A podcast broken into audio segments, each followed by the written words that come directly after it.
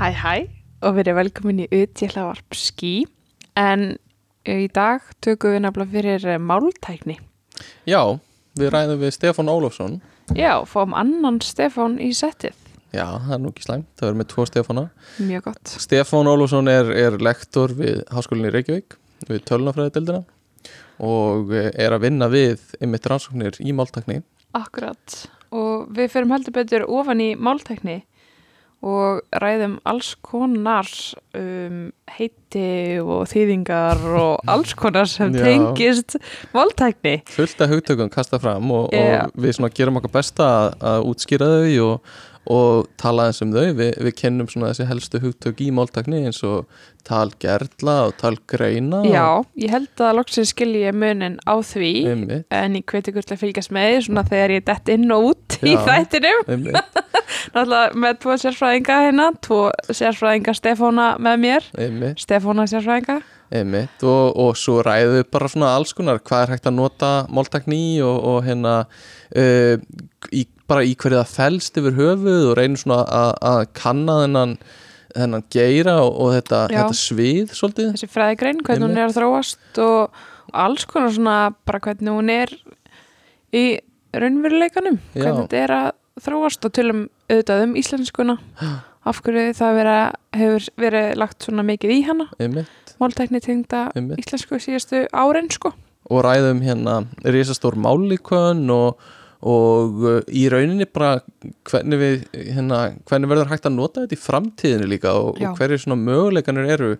Og, og bara þetta er allt mjög spennandi. Já, og hvað hérna hvað eru mikil tækifæri einhvern veginn í máltakni tölum um spjallmenni og svo erum við með svona skemmtilega keppni á milli mín og Stefáns hann í lokin, já, smá leikur smá leikur. Eh, já, bara gjöru það svo vel. Góðan dag, kæru hlustendur og velkomin í Utjélhaðvarp Skí uh, Í dag ætlum við að ræða máltækni, hvorki meira en ég minna. Og uh, til þess fengum við nafna minn, hann Stefán Ólafsson sem er lektor í háskólanum í, í Reykjavík við tölunafræðdeldina og Mhm. vinnur einmitt í máltækni með mér sjálfum. Og við erum saman í, í teimi þannig að það er ekki verið að sækja vatnið langt yfir lækin en hérna, takk kjærlega fyrir að koma og spjalla við okkur. Bara takk fyrir að hafa mig. Og hérna, um, já Kristína þú ert með líka, eða ekki? Ég er verður velkominn eh, Stefán og. Stefán. Gafin að vera með ykkur Stefán Ar. Stefán í öðru, Veistu nú Og- að tala um máltækni, hvernig sér Stefán í fleirtölu? Stefánar mm. Stefánar þetta er farspekt eins og fánar um, en hérna uh, já, við ætlum að ræða máltækni þetta er, þetta er uh, já, svona skemmtilegt efni þetta er eitthvað sem ég hef unni við að einhverju leiti uh, og hérna uh, Stefán, þú ert sérfræðingur í líka og hérna ert, ert að vinna í líka. Um, en hérna hvað hérna hvað gerir maður til að vinna í máltækni? Hvernig endaðir þú í máltækni? Og var þetta Mm. alltaf eitthvað sem þú stemdir á? Já, síðasta spur, síðast spurningun er auðsvara sko, hann svaraði nei. Nei, Þetta er ekki, ekki eitthvað sem ég ætlaði alltaf að gera. Það endaðir einhvern veginn Ég endaði í þessu. Ég kynntist þessu sko bara eftir ég kláraði grunnnám mm -hmm. og þá var grunnnám í ennsku við háskólan, Ok, okay. Háskóla Íslands já, og hérna í rauninni kynntist þessu, ég heyrði af þessu það er Mhm. hérna Matthew Welbton uh, ok kennari og, og fleiri sko að tala um þetta Mhm. professor og uh, ég hugsaði með mér já, ha, hvað er þetta Þe, þetta er ekkert hægt sko, tölfur og, og mál Já. tölfur skilja ekkert, ég meina Mhm. þetta var svona fyrstu hugsaninnar sko. Já, svo sá ég þetta bara til sko. Það er að segja bara, að þetta er fag sem að, maður gæti skráð sig í sko í, í, hérna, einmitt. meistaranámi sko. Þannig að þú byrjaðir ekki í verkfræði. Þú varst í ennsku já, til að byrja með mm og heitlaðist svo af þessu tölvu tungumála dóti einhverju. Og já, sorry, ég greip fram fyrir. Þér og ákvaðast að skráði í, í meistaranám í þessu, já og bara út í djúbulegina sko. Ok. Hver tókstu meistarnám? Sko ég skráði mig í, uh, við Háskóla Íslands en þetta er náttúrulega kent ennþá uh, Mhm. við HÍ og HR Mhm. saman Mm. eða sem sagt að kenna þetta saman og, og já, en ég, fó- ég bara stökk á þetta tækifæri sko Ok, og hérna, hvenar, hvenar var þetta? ef þetta var kent við HÍ Þetta var 2013 ok, ok og hérna uh, var einhver svona sérstakur fókus sem svona heillaði við þetta var það, þú veist, að spjalla við tölvuna sjálfa eða var það einhvern veginn að, að sjá skilning hjá tölvunni eða hvað var eitthvað svona sérstakt Já, það er rauninni þetta sko sem þú segir mm. það var þarna eiginlega á fyrstu önninni sko þá fórum við og lærið, að lærið við málvinnslu mm -hmm. en líka uh, já, svo hluta þín áskeið þá fengum við að kynnast sko virtual agents og fengum Já. að kynnast sko samræðuvélum Mhm. og, og það heitlaði mig alveg upp úr skónum sko Mhm. og hérna ég spurði hann Hannes Högna Mhm. Viljámsson sko hérna hvað er þetta eiginlega og, og þá sagði hann komdu bara með mér, ég skal sína þér það Ok. og við fórum hann upp á aðra hæð og, og hérna skoðuðum og þá fekk ég að kynast þessu og Hver er Hannes setna Högvi? Högni hann er kollegi okkar upp í HR líka já, já, já. vinnur í, hann er í próf, prófessor sko, mál, máltækninni upp í Nú. mm. uh, en hérna uh, bara, bara tengt þessu örsnögt máltækni uh, þetta er bara í rauninni hvað er þetta? Þetta er bara tenging tölvunar við tungumálið og, og skilningur og öll vinna með tungumálið og, og hvort sem það er í rituðu eða töluðu formi já, getur við sagt það? já, bara öll tækni sem kemur að þessu, það sem að verið er að búa til tækni sem Mhm. notar uh, mannamál Mm -hmm. eða tækni til þess að vinna með mannamál, Já. prósessa það einhvern veginn, skilja það og svo já, bara svona, já, bara vildi bara grípa inn í og en við höldum áfram. Þannig að hérna Hannes tekur og sýnir er hérna þetta og, og uh, þetta er kannski svona spjall uh, hvað hva kallað er þetta? ekki spjallmenni heldur við, viðræðu, nei. Ég heiti kallað ímislegt sko. Um, og veist, sa- undir hútinu eru samræðu kerfi samræðukerfi Sam- og viðmóti er getur verið bara textaglöggi eða viðmóti getur verið Siri, síndarvera já, Mm. einmitt. Eða Siri eða glóandi kúla eða hvað sem er sko. Einmitt, einmitt. en ok, og, og hérna þið uh, rættum þetta og þið, hérna, þú sást þetta og, og uh, helstu svo áfram í þessu? Já ég, þess að það sem að ég sá þarna var að það er hægt að sko bara vin, vinna á þessu sviði í fyrsta lagi og stundar ansóknir á þessu sviði. Og þá hugsaði með mig bara wow og mér fannst það mjög spennandi og Mhm. það gekk bara vel og þannig í rauninni sko haustið eftir að þess að var ég bara án öðru að ég maður stæðis bara tvö ár þannig á þriðju önn sko þá var ég bara að byrja að hugsa um doktorsnám sko já, Já, ok, ok. Einmitt. og hérna bara búin no að turning sjá back fyrir mig, já, búin að sjá fyrir mér ímislegt þar og, og Rapp Loftsson er hann líka náttúrulega Já, Og- hann er í sömu deildi mitt Þetta er allt svona, þetta eru the big guns í, og, í e og það var. Eiríkur Rökkvaldsson líka sko líka, hann, hann Mhm. hafði áhrif á sko, þetta allt saman og, Mhm. og hérna það hjá, allan hans ákvörðan tökur hjá mér sko Já. þetta var mjög, einmitt Og færðu þá bara beint, beint í doktorsnámi eftir meistaranámið. já, Hvað skrifar um í meistaranáminu? Eða gerur einhverjum konar lokaverkefni? já, Já. Um, lokaverkefni gekk í rauninni út á að greina samræðu hegðun manna mm um, þegar við við rauninni er hvernig við tilkynum það að við séum einhvern veginn mætt á svæðið eða skilur við Já, Já. tilkynum að við séum hérna. Um, þú veist, ímyndað er og komir farir hérna opnir hurðina heima hjá þér Já. og kemur inn. Og, halló, já, segir halló eða ja, ef ykkur sér þig þá getur Já. já, nikkar. Nikkar sko. Einmitt, einmitt. Það- Það er áhugavert. Og, Þetta er, já, uh, og við erum náttúrulega, við erum með ekkert ósvipa verkefni í gangi uh, núna og hérna upp í HR mm, en alls konar þetta sko á mótela hvernig tungumálið er og öll higorðin sem við notum og, og hérna öll, allt sem við segjum en ekki upphátt, bara með augunum og reyfingum og líkamstjáning. líkamstjáning og, og eitthvað svona málbeiting og eitthvað. Þetta er eitthvað sem er ekki bara texti sem er hægt að skilja heldur það er svona meira bakvið þetta sem þú veist, ef við hugsaum máltækni þá þarf tölvan að skilja þetta líka. Já, þú veist, ef við segjum mhm eða hm eða eitthvað svona og erum pyrruð og já, horfum í hina áttina og eitthvað svona. Já. þú veist, þá er þetta partur á tungumálinu líka það er það. Og hver er voru svona niðurstöðna þennar? Er núna svona alltaf, þú ert í partí upp og allt þetta fylgjast með nýja fólki koma? já. Já, hann gerir þetta svona. Sittur þú alltaf, mmm, þetta var Þetta er ekki rétt Lappar upp á hann Þú farið út aftur kontið leiðir þetta fólk. Já, ég er meistar, ég er með meistaragráði í þessu Þetta var svona verkefni sko og síðan var byggum við til svona mótel og, og sem við settum inn í virtuálumhverfi og, Mm. og létum sem sagt virtual humans í verkefninu Virtual Reykjavík. Já, um, rauninni haga sér þannig að þeir tæku tillit til þessara hegðunar.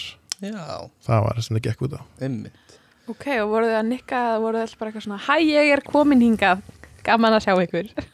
Já, þessi tilfelli mitt á, mitt á voru hópar út á Austuvelli, svona virtual Austuvelli og hérna við, já, vissa fjallægð og fyrir eftir hvort þú snýr baki í manna eða hvernig sem það er, sko, Mhm. þá getur allavega sínt þessa hegðun að uh, ég, ég teki eftir því að þú ert að nálgast og svo getur þú svo ert að bregðast við, sko. Eins og þú mætir einhverjum út á götu þú getur tekið ákvörðun um að ef þú þarfst að tala um viðkomandi, sko þá, Mhm. þá reynir þú svolítið að vera fyrir þeim, sko þú reynir svolítið Já. að, að, að ná þeim Já, svona stækkar þig eða svona setur út hendina eða ég eitthvað fer svona. bara fyrir Mhm. Já, ok sko, þau, þú sér að þau eru okkur í vekkferð sko, Mhm. og við ætlar að ná þeim þá Reynir að intersekta leiðina hjá þeim já, hvað er klukkan sko, Farðu í prófa vegferð. þetta bara Já. Þú lappar upp að einhvern og svona spyrja hvað klukkan er sko. Já. fyrst, fyrst tekur mannskinn eftir svolítið, fjarlæg sko, og horfir upp og svo aftur niður Mhm. Og rauninni er það svona besta tækifæri til þess að Já, með einhverja hegðun sko.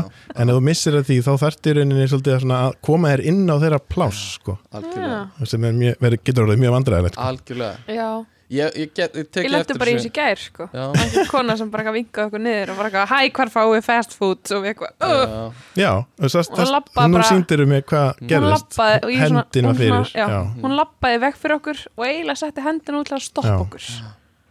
Einmitt. Ég hef verið að gera þetta svolítið Mér veist það svo fyndi sko. Ég ofta er að lappa úr vinnunni á svona, á svona göngustík við hliðin á HR Mm. Þá er hjóla fólk oft svona þeytast fram hjá hjólinu og hérna uh, bara hjóla heim eða eitthvað. Og mér finnst svo fyndið að hérna að því, það, að því í hvert skipti sem eitthvað hjóla fram hjá þá kemur eye contact í svona halva sekundu hjá öllum sko.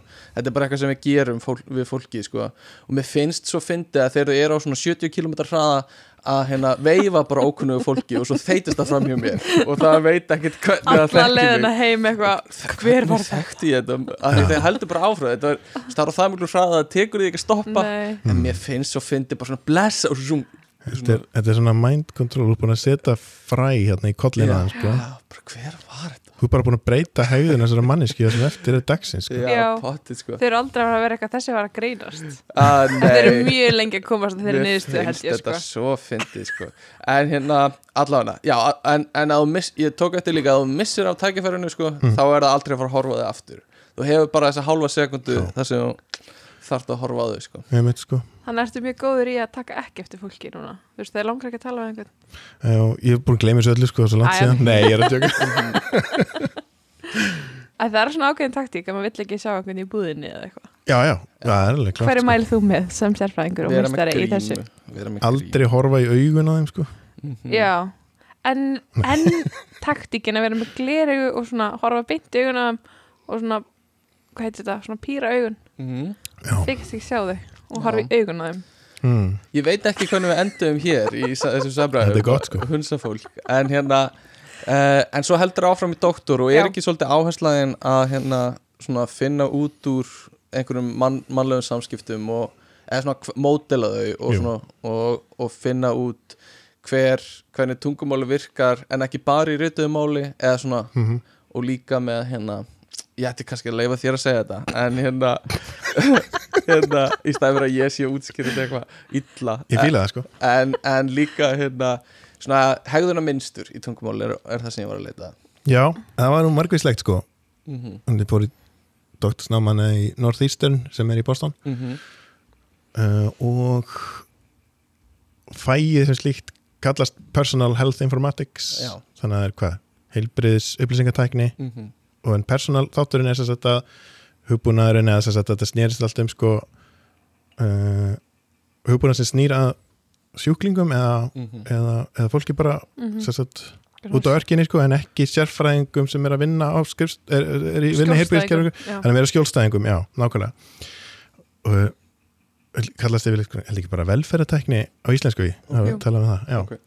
um, og en sem sagt uh, hérna rannsóknarhópurinn sem ég sem ég fer inn í um, hann leitur af Tim Bickmore uh, sem er professor að það og, og heitir Relational Agent Group Mhm. og þar eru, sko eru gera rannsóknir á viðmótum sem að sína einhverja mannlega hegðun, hann yfirleitt, viðmótið er yfirleitt svona virtual human, Mm. svona síndar vera uh, sem hefur samræði hegðun sem er líka þess lega að hún- eigi að geta sko aukið á sambandið eða hvað maður að kalla það veist, Mm. Með tímanum þá myndist einhvers konar samband yfirleitt sko theraputist Já. yfirleitt, nánast alveg bara af því Mm. þetta er notað í, í health tilgangi það er að Já. segja health education eða það verið að hérna uh, hvað, hvað kallast þetta, það er eitthvað inngrip Já. medical inngrip og, Mhm. og þá er náttúrulega gott að fólk sé að nota hugbúnaðin sko, ef þetta er eitthvað sem að hefur s- Mhm.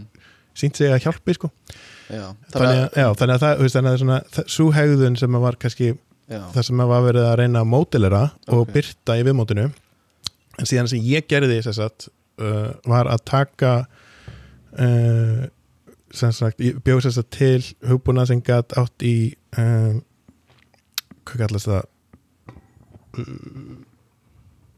Svona counseling mm Mhm. Já, bara ra- ra- Sál Já, ráðgjöf var orðið sem ég var að sem ég misti þarna. Mhm. uh, svona sálfræði ráðgjöf um, um áfengisneslu eða þannig. Áfengisráðgjafi í rauninni Já. og svona síndar rauninni, Mhm. síndar áfengisráðgjafi. Takk, takk, takk. Og hérna og þá er það þess að um, þá þurfti ég að nota ég þess að neural method líka, að Já. tauganett pluss svona meiri klassískan struktúr Mhm. uh, Reglu-based eitthvað já, svona meira reglubeist líka uh, reynd, slóð þessu tönnu saman Já. þess að búið til kerfi sem gæti actually hvað farið í gegnum heilt Mhm. uh, sesjón Já. með viðkomandi og ég gerði gegnum netið og allt sko, þetta var alveg því lítir COVID sko, Ah, það var COVID. hérna í COVID að byrja Þú ert COVID-doktor, ég er COVID-master Já. En þetta var mjög hérna veist, það er svona kannski, já, það sem að ég var að, að gera sko, Einmitt, einmitt. Og hérna, sko, Og- það, já, þetta er, það eru nokkru hlutir hérna sem ég langar svolítið að drilla, drilla honi í. Það er hérna um, Við erum að sjá rosa mikið af sem við ætlum líka að tala meira á eftir en, en svona mál, máltakni mótilum og mállíkunum sem eru svona að verða þokkalega góði að skrifa texta. Já. um, Er samt ekki þessi hérna uh, svona málstruktúr sem er flóknari uh, eins, bara partur á tungumálunu eins og hreyfingar og, og hérna svona eh, sem eru ekki verbal, sem eru ekki eitthvað sem þú segir. Þú veist, þurfum við ekki líka leggja áherslu á það að læra hérna einhvern veginn e, svona stærri struktúrun á tungumálunu heldur mm, en bara textana. Að því ég veit að mikið af þessu er bara að læra á textum. Já ég myndi segja það, að veist, við erum að missa þarna af mm -hmm. svolítið mikilvægum og stórum hluta í, sko, þetta ég segja því í samræðum, sko, að mista kosti.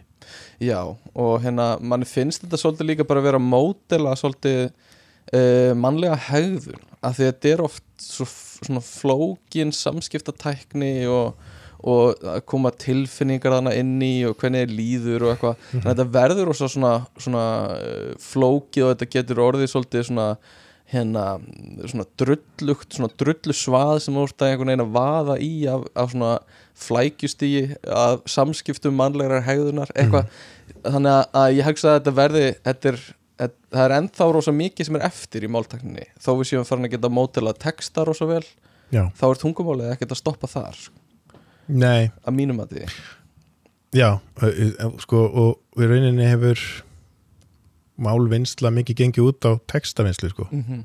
Mm svona bara í áratugunar ás Já, Mm. einmitt algjörlega og, og hérna það hefur svolítið verið áherslan og við erum svolítið að sjá þetta núna í hérna þegar við erum að búa til rattir og aftur við ætlum að takla þetta betur á eftir eh, svona talgerla að hérna það er að koma tilfinningu inn í röddina Mm. og koma áherslum á réttan stað og eitthvað svona, þetta er alveg sér svið út af fyrir sig Mhm. en ekki bara að búa til einhverja rödd sem talar svona monotónist Hvað er talgerðlil? uh, já, talgerfill er sem sagt þegar tölvan býr til tungumál og býr Mm. til rödd og hérna, við ætlum að, að skoða það betur eftir Mhm. sí, seinna sem ég langaði svolítið að tala um tengt þessu sem varst að segja mér Mm. er hérna uh, við, þú ert að búa til einhver svona, á, svona ráðgjafa fyrir einhverja meðferðir. Uh, mér finnst uh, rosalega svona borðurleikjanda í framtíðinni þá taka tölfur tækni, jafnvel róbótar svona félagslegi róbótar svolítið við í ummunun að miklu leiti uh, ég hef oft talað um hérna, veistu, við erum að verða eldri sem bara samfélag. Við munum ekki hafa mannabla í að uh, um að sjá um alla á elli heimilum eða ummunun eða eitthvað svo leiðis, það Mm. verða bara of margir með við hvað eru margir ungir, ungt fólk sem er að sjá um þetta. Þannig að það er ekkert ólíklegt að við þurfum að hérna fá inn ummunna robota og, og hérna uh, og tölfur til að tala við, bara félagslegt. Þetta verða vinimanns þetta verða þú veist uh, hérna, einhver sem sérum, þetta verða læknar vinir, eitthvað svona. Mhm. um, hefur þú hefur þú sko hefur þú veist, skoðun á þessu, ertu ósamála þessu að, að þetta muni, við munum sjá þetta meira? Eða hérna, og líka þurfum við ekki þarna að byrja að mótila uh, tilfinningar og, og einhvern veginn svona Mm. nánd og hlýju líka að einhverju leiti fyrir þetta? Jú, ég held að ég meina þetta sko ég náttúrulega vinn bara við rannsóknir á þessu sko. Mhm. og, þú veist, og eins og verkefni mín hafa gengið út og bara að rannsaka áhrif á fólk sko þannig að ég er mestan áhuga á því sko. Og, og, og hérna, og auðvitað tækninu og allt það er, er auðvitað, mjög nördir sko, sko. Ég hérna, get eitt tíma, mörgum klukkutímum í tæknina sko og geri það og, en ég hef sérstaklega áhuga á að, komast að því hvað áhrif þetta hefur allt saman á okkur. Mhm. og við erum að sjá það meina, fólk mynda alls konar eins og þú segir, sko, tengsl við tæknina já, og líka hvort sem hún sko tækið sýnir raunverulega einhverja hegðun eða ekki einmitt. mikið af þessu verður bara til í kollinum á okkur sko. Að við erum þessar skeppnir sem að uh, mann gerum Nákvæmlega. allt nánast sko. og og það þarf ofta ekkert mikið, bara tvö Nei. svona googli augu sem þú getur sett á hvað Já. sem er Mhm. og þá erum við allt í einu búin að búið til persónuleika fyrir hlutina sko. í kollinum á okkur sko. Því, því, því sko, selurinn með krútlegu augun bjó ekki til neitt sjálfur sko. Nei, en, en það kveikir eitthvað í okkur sko. Mhm. það er en hérna, já, já en þú veist en við fyrir mér persónulega finnst mér mikilvægt að allt svona sé nýtt veist, til góðs Mhm. skilur það svona ef það er sko segjum og býr til róbóta sem er ekki til lítill svona róbótaselur Mhm. sem að var hann að ekkert tíma fyrir eldri borgara sem svo til þess að Einmitt. já, sem þess að Ok. þú Til að getur klappa klappa, þeim sko og það hafið róandi áhrif Mm. bara margtækt skilur við, þannig að það virkaði sko Mhm. en þú veist, það er ekkert AI sko í, Nei. þetta Nei, er bara nei. eins og svona leikfang sem myndir Já. kaupa út í búð sko Einmitt. en hérna Og hvernig var hann ró... Uh, hm, ég var þetta bara... Hvernig var þetta meira... Hreyfði sig kannski eitthvað já. aðeins Já. og- og bara, bara náttúrulega bregst við því og snertir hann skilur og þannig en, en ég er að segja sko það er ekki ekki djúft sko Nei. Nei, þetta er svona aðeins lengra en Já. Furby. Já. já, Við vorum að tala við hérna uh, Kristinn sem vinnur mitt líka upp í HR Mm. uh, uh, fyrir tveimið þáttum Um að gera mjölka þetta Já. og hérna þá var ég með að segja að, að mér finnst það ekki ólíklegt að svona róbóta gæludýr verði Já. svolítið þing sko. Já. að hérna það þarf ekki endilega að vera með svona mannlega Nei. hérna, þú veist, það, get, það er svona meiri skekkjumörk á því Hvað heitir eftir hann að Kam Samaguchi? Kamaguchi? já, Tomagotchi já, hvað heitir þetta? Já. Tomogotchi já, já, já. tölvu, er bara svona svona litlu tölvutan sem fylgdu með, þú veist, það var skemmtilegt. Já. Hvað þá, þá varstu bara að gefa einhverju svona Já. dýri í lítilli tölvu að borða. mhm, Fyrir ykkur sem munni eftir þetta fylgdi stundum með svona skólatöskum, ég fekk svo leysið, ég fekk, í fyrsta bekk. ég maður þessi Að þá hérna væri enda skemmtilegra ef að þú getur gefið alvöru ketti að borða og svo... þetta er náttúrulega byrjaði miklu leiti í Japan sko. Það sem þú veist að tala um sko. Já, er það? Já, já, að því þetta getur, að því þetta þarf ekki verið með mannlega greind en þetta getur verið svona e, með smágreind já, ég ætla að fara að segja varandi það sko. Þú veist, þú komin í velmennin og, og þetta sem er kannski býr með okkur sko. Mhm. já, sér okkur dagstælega, sér okkur eða þú veist, skinnir okkur eða hvernig sem það er. Er með okkur. er með okkur sko. Að það hafi að minnsta kosti eitthvað til að það hafi tilfinningagreind Mm. Skiljir, skiljir svona eitthvað hvað já, getur skilið þú ert pyrraður já, ég, Já, eitthvað þannig það ekki rosa já. mikill partur af gæludýrum að þau skinja ef maður er stressaður og Já. eru stuðningur mm. þess maður hefur oft heyrt um sérstaklega í svona, uh, svona ráðgjafa Mm. meðferðum Mm. að þá er oft Já. dýr notuð af því að það er, það er eitthvað svona að ég var Netflix mynd tónað um daginn um dýrin þau nema að það er eitthvað öðruvísi hegðun í okkur þegar við erum stressuð og þau nema það Mm. sem Já. er magnað sko mm. En, en þetta er aftur, þetta er svona á mörgum svona þess að að vera að rannsaka mannlega hegðun og tungumálið Ég myndi alveg segja að Já. þetta sé einhver svona vennmynd sem er að skerast þannig sko. sem var svolítið þetta nám sem að Já, já, og ég minna það er bara máltækni kemur þarna við Mhm. svo sannarlega, þetta er Algjörlega. s- bak við öll þessi kerfi eru, sem ég var að tala um sko, eru, eru samræði kerfi mm og hérna, þú veist, það þarf að byrja á því að mm nota talgreini og Algjörlega, texta og hvað gerir við textan og einmitt. svo og, framvegis sko. og Við skulum bara kúltúr og fara- svona sem að bæti sér nýtt líka. Kúltu kemur líka, svo er talgerfill hinn um endanum að- Við skulum uh, fara að í það eftir örstutustund en hérna byrjum á því að taka uh, smá hérna hraðspurningar til að loka skaplanum um Stefán Ólafsson og hérna, þetta er bara ekkert rétt eða ránt og þú svarar bara fyrst að segja þetta eftir í hug ef þú segir eitthvað vitlaust þá bara so sorry það Ok. það er ekkert rá Nei, algjörlega Þannig að hérna, ég ætla bara, ert þú reyðbúin Stefán? Já, já, Android eða Apple? Android Útlit eða notagildi? Nota gældi Ertu morgunhani eða náttugla? Náttugla, Kaupa á netinu eða kaupa í personu?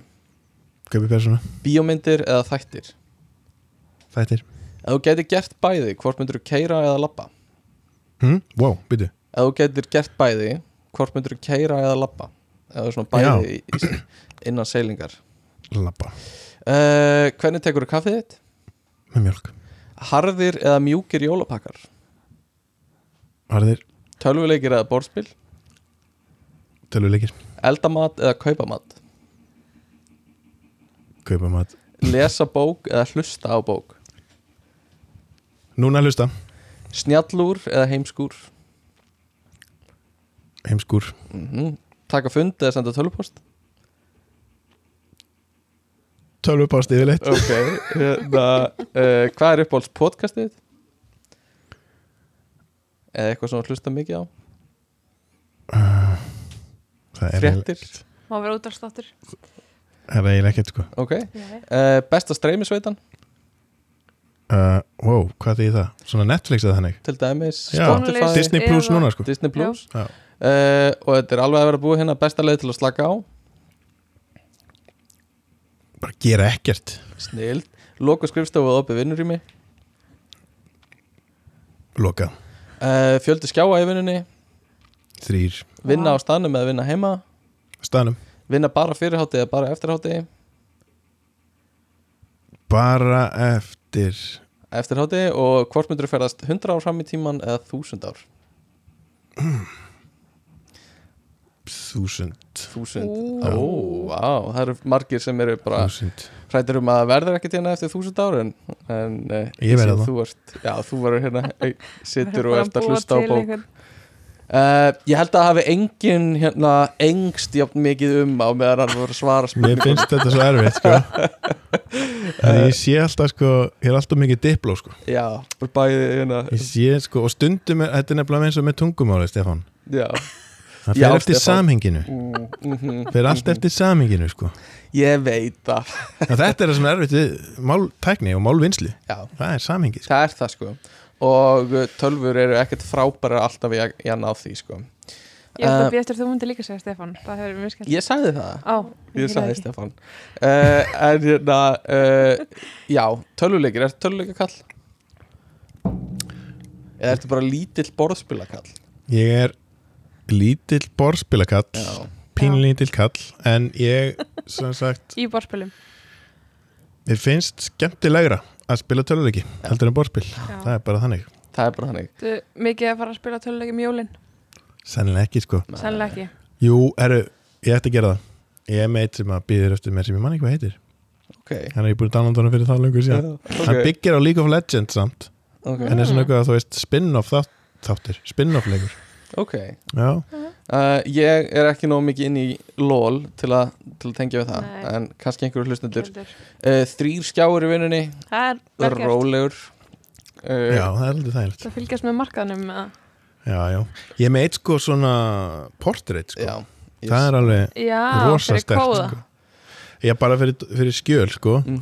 með, og það er bara svo rosa þægilegt. Já, Já, einmitt, þetta er hérna, þetta er, maður sér þetta ofti á, hjá forröldurum sko. Já. Og, Ég og bara setja fórhundunum Ég. Ma- Sko, ég maður sé þetta eitthvað hjá fólki sem bara vinna í þú veist, í blaðmennsku eða eitthvað skilur þeir sem er bara vinna með texta mikið, mm, taka eitt svona land nei, eitt svona portrait sko. Ég þarf að kíkja á skjálafólki í vinnunni á mér. Sjöfnst þessu með þetta. Mm. En hérna, allavega, takk, uh, takk fyrir að kynna þig Stefán. Uh, Við ættum kannski að dempa okkur bara onni máltaknina og hérna förum bara yfir svona hvað í rauninni máltakni er. Uh, Já, svona í, í grunninn og hver er svona helstu svið og svo getum við farið í nísinn og hérna svona farið að ræða aðeins uh, svona skemmtilegur, já, ég veit ekki, skemmtilegur hluti eða, eða svona, Mhm. aðeins svona dýpri pælingar. En hérna sko, ég var að- í þessu og skrifa þetta hvað er máltekni uh, kannski svona það sem er áþreifanlegast uh, að mínum að þetta er, eru sko talgreinar og, og talgerlar. Já. og þetta eru, þetta eru svolítið lík orð og hérna fólk getur rugglaðið þeim saman. Eða ég gerði það allan að fyrst. Ég mani þetta ekki sko. En sem Ég segi alltaf gerflur já, ummitt, ummitt uh, þetta er ekki þjált íslenskt orð. Nei. Nei, akkur var það ekki valið taltalari eða eitthvað, ég veit ekki en, Algervill Já, þetta er semst talgreinar segir sig kannski aðeins meira sjálft ef maður svona pælir í því. Þetta er það sem við köllum Automatic Speech Recognition Já. eða ASR og hérna þetta er það að tölvan skilji talað mál. Semst, hljóð, hljóðið sem kemur út úr okkur er eitthvað sem tölvan skilur. Þegar Siri hlustar á okkur. Já, ég útskýra það oft þannig þegar Siri hlustar um, Ertu sammála? Já, með ég set spurningamerki við skilja sko já, En já, getur Já, skrifa hlustar. niður Já. orðin Já, skilur það þannig sko, skilur Já. hvaða hljóði hvaða orð Já, ja, Mm. sagt, hvernig, hvernig eigi að rita það sem verið er að segja sko. Já. og þetta er bara mjög góðu punktur sem við þurfum að taka fram skilningur er ekki það sama og kannski að ri- geta rita niður orðin Nei, eða skilja samhengi já, nákvæmlega sem er partur af, einmitt, af Wow. skilningnum þannig að talgreinar eru það að hérna tæknin eða tölvunar geta uh, vita hvaða orð við vorum að segja. Og uh, þetta er notað til dæmis í Siri þegar við tölum við Siri og byggjum hana um eitthvað eða, eða hérna, það er oft notað núna líka svona sjálfvirkir textar eru gerðir, ég veit að YouTube er að gera það. Mm þannig að hérna tek, YouTube textar myndbönd með svona talgerlum Ó. uh, bara sjálfkrafa. Já, það er ekki talgrein Talgreinum. Já, talgreinum Já, þarna fór ég heila Já, hring. já, Ég já, var já. bara, ha, ég held að vera skilja þetta Gerir loksins. við erum með hérna Sorry, krakkar. Við erum með annar Stefán hérna sem grípur þetta. Já, það eru tveir. þess erum við tveir sko. Uh, við leiðir eftir konan annan. En hérna, Ó, en, hérna uh, þannig að þetta er, þetta er svona uh, svolítið svona basic í, þessu eða svona grunnurinn rosa stór partur af þessu er þetta. Greina talmálið já, mm. svo erum við með hina hliðina sem eru talgerðlanir og það er uh, oft kallað líka á ennsku text to speech eða TTS Mm af því Já. þá gefum við tölvunni texta Já. eða tölvan býr til einhver texta og hún býr svo til hljóð upptöku eða, eða hljóð af sér segja textan talgreinirinn já, Er það bara fyrir talamál eða skrifamál líka? í rauninu það tekur Það hljóð Hljóð sko, já, Bara tala talað Já. Já. í rauninni En ekki tákmál, Nei, Nei. en það er talgreinir já, það er alveg sér dæm út fyrir sig Mhm. tákmál Mm. sko. um, og hérna uh, þannig að við erum með þú veist, hljóðkleipa kemur inn tölvan greinir það og svo erum við með hina hliðina sem er að, að tölvan er með eitthvað texta og hljóðkleipa kemur út. Mhm. þannig að þetta er svona, þetta er svona tvær hliðar á, á pening.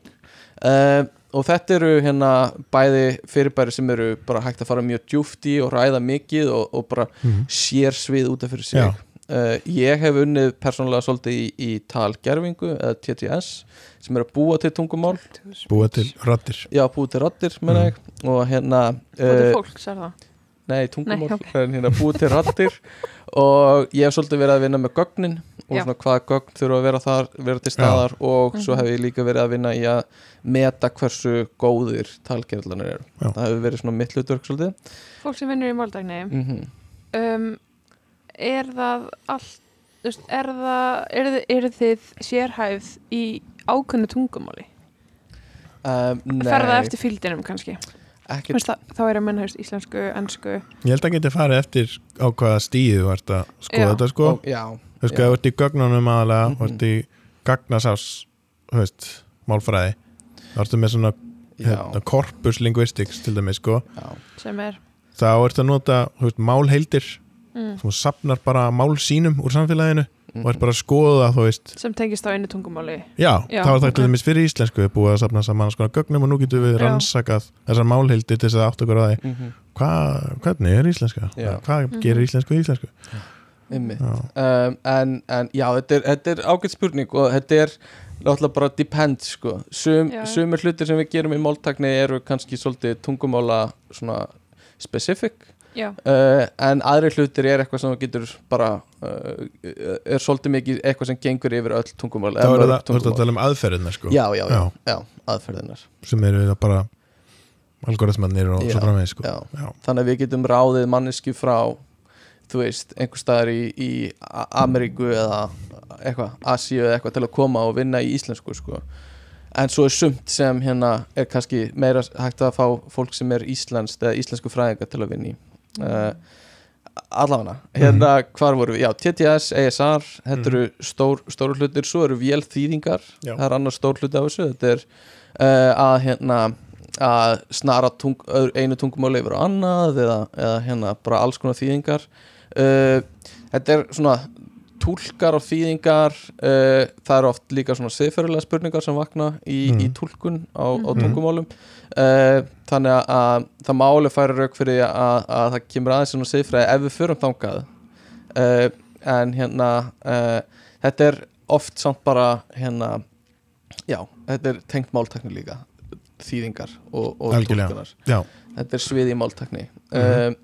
En hérna svo erum við með uh, eitthvað eins og hérna líka leiðréttingar eins og Mhm. þegar kemur rauð, svona, rauð lína í vörd hjá þér eða eitthvað. Það er me, þetta er eitthvað sem tengt akkurat. Já, grammarlí og eitthvað. Ég get ekki skrifað e-mail nemi sem er eitthvað, já, svona ég akkurat var einu sinni á hackathoni mm og þá var hugmyndin okkar að hérna, vera með svona add-on að þú geti greint þú veist, röddina, eða sérst tónin og það er komið á grammarlí sem það ekki ekki sko Mhm. þú veist, þau eru með svona greina hvers eðlis það er Mhm. sem þú ert að senda Mhm. bara, þú veist, þetta er mjög formlegt þetta er mjög Ah, peppað já, einmitt. Mhm. þú veist, þetta er uh, getur verið kannski eitthvað svona fyllt af tilfinningum eða eitthvað svo leys og kannski stíl eða líka eða aðalega bara, er þetta að tala um svona aðla tilfinningu, Tilfinningu, þú veist, já. hversu formlegt þetta er þetta hugmyndin okkar kom út frá því að þú veist, einhver vinkona mín var að gefa endurgjöf á einhvern annan Mhm. og þá akkurat, þú veist, hefðum verið til í að fá já, smá blikk bara eitthvað herrið, þú veist Mm. að segja að þetta kemur svolítið harkalega út já. Já, Svo eitthvað svona svolítið Þetta er, þetta er mjög áhugavert af því, af því þetta er ekki bara eitthvað svona leirita málfar eða stafsningu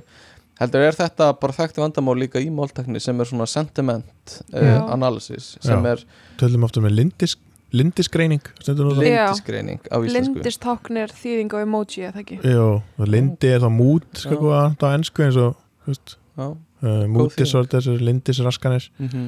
þetta, er, þetta er bara fín því Ég hef oft notað lindisgreining en ég Já. bara veit ekki hvort að Mhm. fólk er sammála því en ja. en, en Já. hérna þá smá svona tone of voice já, en en, samt er þetta ekki rödd en þetta er skrifað Mm. mm. en þá hérna stílgreining er- Já. já, þá eru oft sko þjálfunagögn geta verið hérna eh, eins og Amazon uh, review eða hérna þú veist uh, gaggri, hérna, já, gaggrina Já. Amazon þannig að þú ert með eitthvað texta og svo gefur þú stjörnu einhvern Mm. þá ertu í raun að búa til þjálfunagögn þá veistu að ef einhver gerir skrifa texta og þetta er umulig vara og svo gefur því Mhm. eina stjörnu í einhvern og nú ertu komin í eitthvað sko dýftina, þjálfunagögn Já, þjálfunagögn Æ, ég, afsaka, afsaka mig hérna. En, en hérna þannig að þetta er, þetta er líka bara partur af, af máltekni þannig að það er alls konar svona að skilja uh, svona, já uh, hvaða lindi, hvaða, hvaða hérna uh, uh, tilfinningar bak við texta Já. er 100% partur af og þessu líka. meining einhvern veginn, já. Uh, Mhm. Svo erum við bara með alls konar málgreiningar uh, eitthvað sem heitir uh, Natural Language Processing eða NLP Já, það er, það er svona málvinnsla sko, Já. í rauninni er það þá, þú veist það er þessar aðferðir sem sem við höfum til þess að Mhm. vinna með texta mhm, eða mál mhm. Veistu, það, það, er, það, það er NLP þannig að þú veist, getur þú sagt ég þarf NLP til þess að búa til lindisgreiningar mótil, algjörlega, Já. skilur við þannig að þetta er svona meiri einmitt þetta eru svona bara hugtökin í þessu Já. Já. og, akkurat sko, og þetta er svona inn, yfir og undir flokkar og ég meit sko. Þetta er rosalega þetta er í stórt. sko. þetta Ég var er risastórt. Að lesa mjög bara stórt, svona introduction to NLP já, og undir flokkarnir ég man ég kom eitthvað, var ræðið við þig, Mhm. Stefán Gunnlaugur. Mhm, og ég var í sjokki hvað var mikið af mm. undir greinum. Já, bara vera að greina, þú veist, hvernig se- setningarnir eru byggðar upp Mhm. og svo vera að já, greina veist, stór orð, eða svona stór orðasöfn og svo eitthvað Mhm. annað og þú veist, Mhm. þetta er bara rosalega stórt sko, algjörlega og, sem meikar alveg sens að því að setningar eru rosalega flóknar. Já, eins og tölum um áðan það að Siri geti skrifa niður how is the weather þýðir ekkert endilega að hún fatti að leita eftir því einhvern veginn, getur, Mm. getur googlað það bara?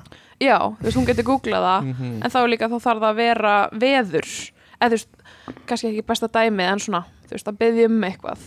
Eins og með bolla. Þú ert með Mm. mjög gott dæmi þarna, Stefán. Hvað? Uh, ef þú ferð og sérst, ef þú varst með svona brandara um að fara á kaffehús og ná í Mm. bolla. Já, já, já, já, ná ég heitan bolla. Ná í heitan bolla. Og í staðin fyrir að tölvan myndi koma með heitan bolla af kaffi að þá myndi hún koma með starfsmannin sem heitir bolli sem vinnur á kaffehúsinu sjúklega heitir já, já, já, búið að heitir kveiki honum sko. Já ok, þú veist að menna þannig. Já, þú veist, alveg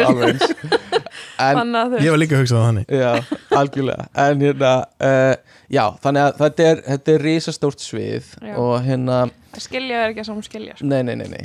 Og, uh, uh, og þú þarft ekkert ef þú hefur áhuga á einhverju af þessu þá þarft Mm. ekkert að kynna þér allt í mold. Þú getur þig, sko. sko. Og þetta er svolítið eins og að, hérna, að segja að það hafi farið til Evrópu uh, en það segir mann ekki drósa mikið að það eru svo mörg lönd í Evrópu nei, Mhm. það er mjög fyndið Mhm. uh, þannig að hérna, það er þetta er rosalega líka spennandi og það er mikið að gerast í þessu akkurat núna og uh, uh, ég- margir vilja meina að hérna, þetta er ákveðin líkill inn í, inn í framtíðan og, og hérna, samskipta okkar við tölfur í framtíðinni og ég Já. myndi alveg segja að við séum á, á barmi bara svona mikilvægra byltingar og, og erum bara í því núna sko.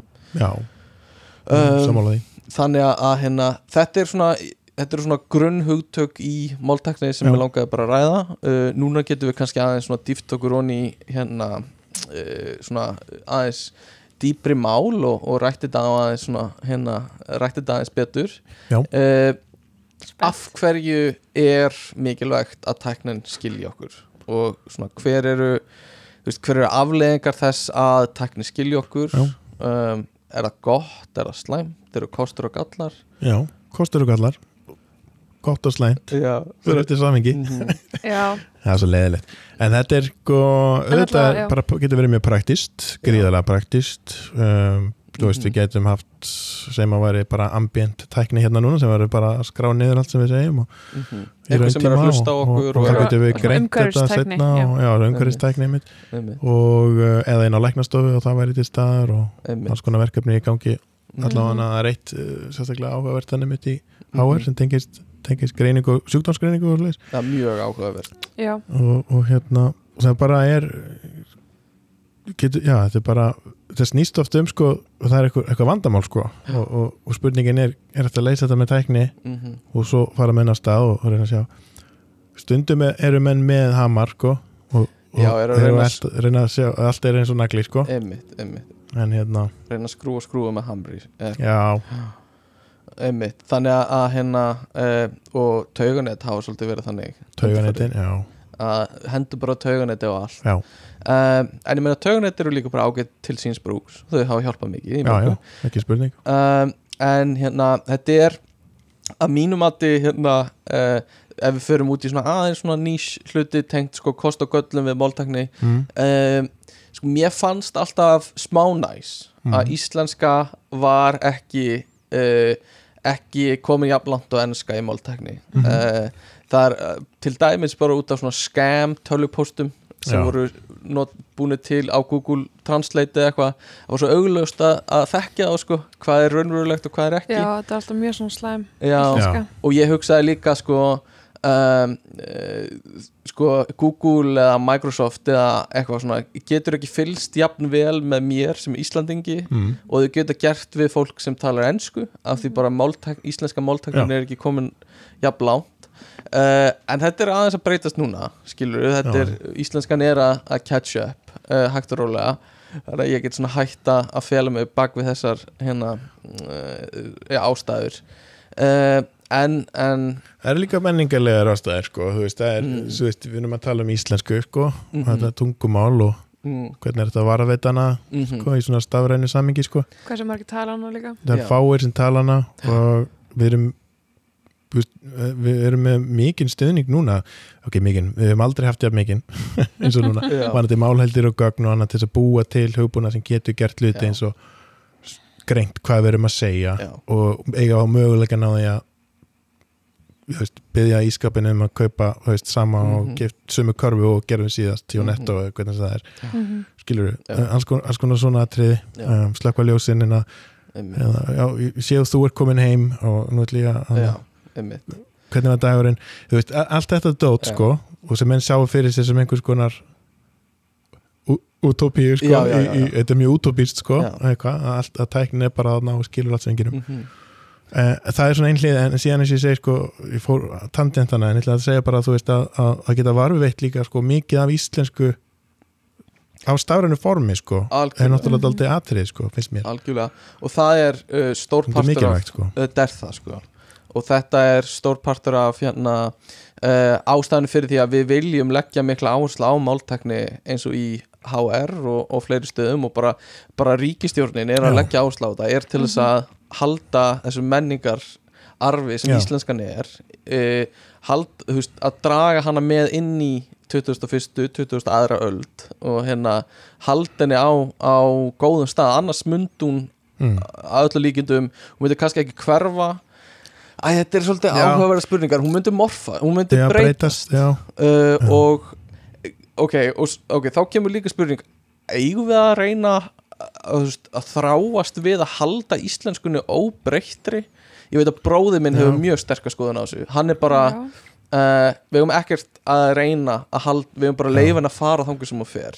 Já, já, og bara það er bara partur af þessu það er bara tungumál þróast. Já, þau gera það og hérna af hverju erum við að leggja svona mikla áherslu á að og peninga í bara að halda því í þú veist, 21. aldar íslenskunni Eru, þú veist, aðrir að gera þetta með önnur tungumál, veistu það?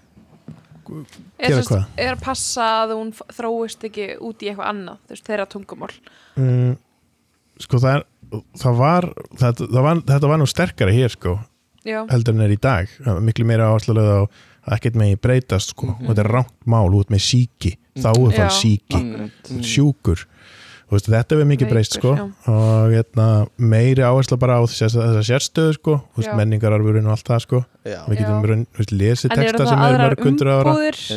af því sama, Já, veist, þetta er svona kannski soft power approach. Já, en þú veist, eh, en á sama tíma þá er, bara, er þetta líka staðreind sko, að þú veist, við erum Já. 340.000 Já. og við erum það eina fólki sem actually, já. eða þú veist algjörlega En þau sé að gera þetta í Noregi líka, þú veist, þau já þú veist, það er, sko, ég held að segja það er varvislu þáttur, finnst mér, svona menningarlegur þú veist, bara Mhm. hérna, geimum, passum að þessi skjöl séu varvitt og Mhm, skilur við. mhm. síðan er sko, það að geta búið til tækni sem að nýtir sér íslensmáli, geta unni með íslensmál Mhm. og þú veist, við höfum aldrei staðið jafn vel að við eins og við gerum núna sko og það er ímislegt að búa til og, og, og nota í íslensku Mhm. Einmitt. og hérna, mér finnst það mér finnst það mjög mikilvægt sko, Mhm. að það sé hægt Já, og, og hérna og þessi síðasta áætlu núna sem að var að klárast, máldækni áætlun mhm. hún gekk mjög vel Já, mhm. og hérna kom margt gott upp úr grafsinu og mhm. en síðan þarf að viðhalda sko eiginlega að út af þeirra ástæðu sem þú nefndir áðan sko, að hluti breytast Já. og ef þú, ef þú stoppar þú hættir að uppfæra Mhm. uh, líkönnin eða, eða eða Mhm. hva, hvaðina þá náttúrulega ver, verður á munumstaðana sko. málið er að tungumál breytast alltaf, öll Mhm. tungumál eru alltaf að breytast. Já, svo er bara mis svolítið að þetta er pólitíst sko, að tungumál eru pólitísk í rauninni. Já, uh, við er- höfum öll einhvern kapacitet til þess að tala sko, einhver, einhver mál. En síðan er pólitíska hliðin sko. Og menn, þú veist. Þetta er ongoing sko. Það þarf að vera það. Um, og við erum, eins og þú segir sko, við, við erum með við erum með ágætt svona, hvað getur við sagt þetta er ekki góð eh, íslenska en svona snapshot af íslensku eins og hún er árið 2020-2021 já, með gögnunum sem við erum búin Já. að vera að safna. Já, og hérna við erum með uh, einhverja miljón, tvær miljónir af, af hérna svona setningum og, og upptökum af, af fólki frá Íslandi að tala íslensku. Eða ekki endilega frá Íslandi, heldur bara fólki að tala Já. íslensku. Og hérna uh, og þetta eru gögn sem eru mjög mikilvæg fyrir íslensk tungumál uh, og þetta var um, verkefni sem heitir Rættu málunu sem var nýlega í gangi. Þannig að hérna uh, já, við stöndum svona ágætlega og, og stöndum betur en, en mörg já, önnur tungumál sem er staðar já, akkurat. Uh, allavega.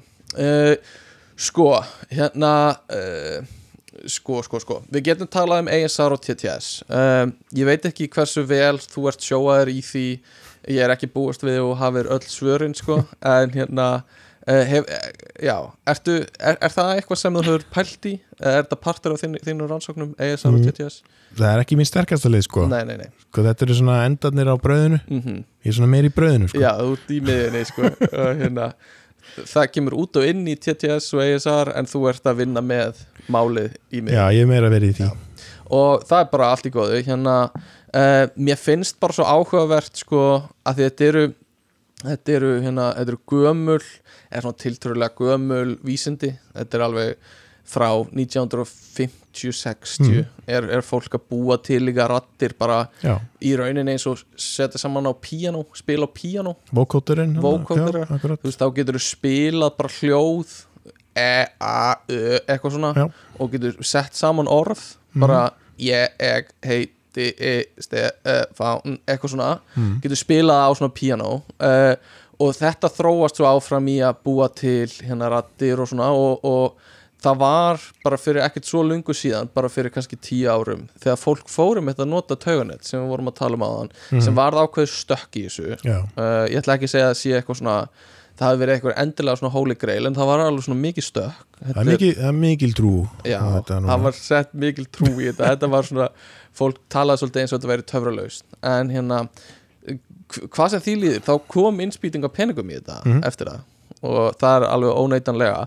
Og fór að verða svolítið gott bæði ASR sem sagt að skilja eða, eða hérna greina tungumálu og svo tala það. Um, en hérna mér finnst svolítið áhugavert eins og við vorum að tala um áðan en myndist á áðan með TTS sem sagt að búa til rattir er þetta sko uh, þessar tilfinningar í Mhm. rótunum og hérna ég veit að, að hérna uh, þú veist, ef þú getur ef þú getur látið tölvu tala og vera að reyða að segja eitthvað Mhm. eða, eða leiða eða eitthvað svona. Og þetta er eitthvað sem þú þarft að sapna sérstaklega gögnum fyrir. Akkurat. Að fá manneski þess vegna er hljóðbókagögn oft góð. Já, er að því þau lesa oft með reyðum tón.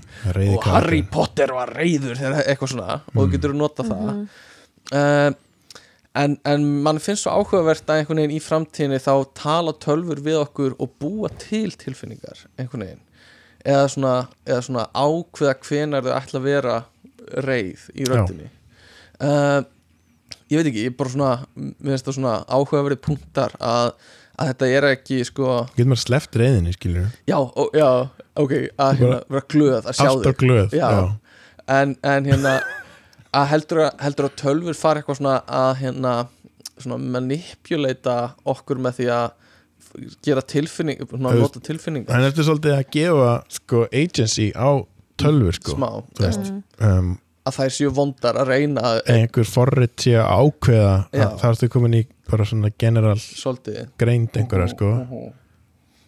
og hérna, En það er bara- aldrei annað, annað aðri sálmar sko. Já, en bara kannski þú ert að tala við einhvern, einhvern söluróbota skilur Já. hjá Amazon eða eitthvað og hann er alltaf svo gladur að sjá þig eða eitthvað svona mm. eða hérna hann læri bara af hvernig mannfólki selur Já, en, en að, já, og bara að ég er alveg handvisum að eins og Amazon muni leggja áherslu á að skilja hvaða tilfinningar og hvenær er mikilvægt að nota þegar þú tala við kunnana Já. til þess að selja meira já, já, og hérna þetta verður svona uh, mögulega til að svona aðeins að, að svona að fínstilla einn á tilfinningar okkar mm.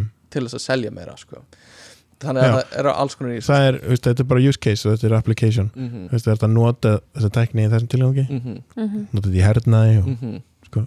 eða í helbriðsgeranum mm þetta er bara hvar, hvar viltu nota þetta sko Þú veist, og ég, eins og ég segi ég, ég hallast mikið að því að nota þetta til dæmis helbriðsgeranum, Mhm. mér finnst það mjög mikilvægt sko að, mm -hmm. Að, sko, að rannsaka það, skilur Já. þú veist, áhrifin og öryggis atriði tengt þessu öllu saman, veist, ég Mhm. sérstaklega áhuga á veist, natural language interfaces bara, Mhm. þú veist, þessum við mennum að nota tungumála bara viðmót hvort sem Já. það er að þú tala eða skrifa Já. og í helbriðis gera saminginu Mhm, sko og, mhm. og rannsaka, eins og til dæmis tauganettin stóru, hver eru hver eru annmarkar þeirra Mm -hmm. Mm. hvenar, þannig að það en svo, svo er, verður sölumæðurinn líka, Já, veist, þannig að ég menna hvað algjörlega. En eins og í svona heilbreyðistekninni þá ertu, ertu þá svolítið að skoða þú veist, hversu faglegur þú ert gagvart því að vera svona góður og viðkunnalegur einhvern veginn svona blærin í því?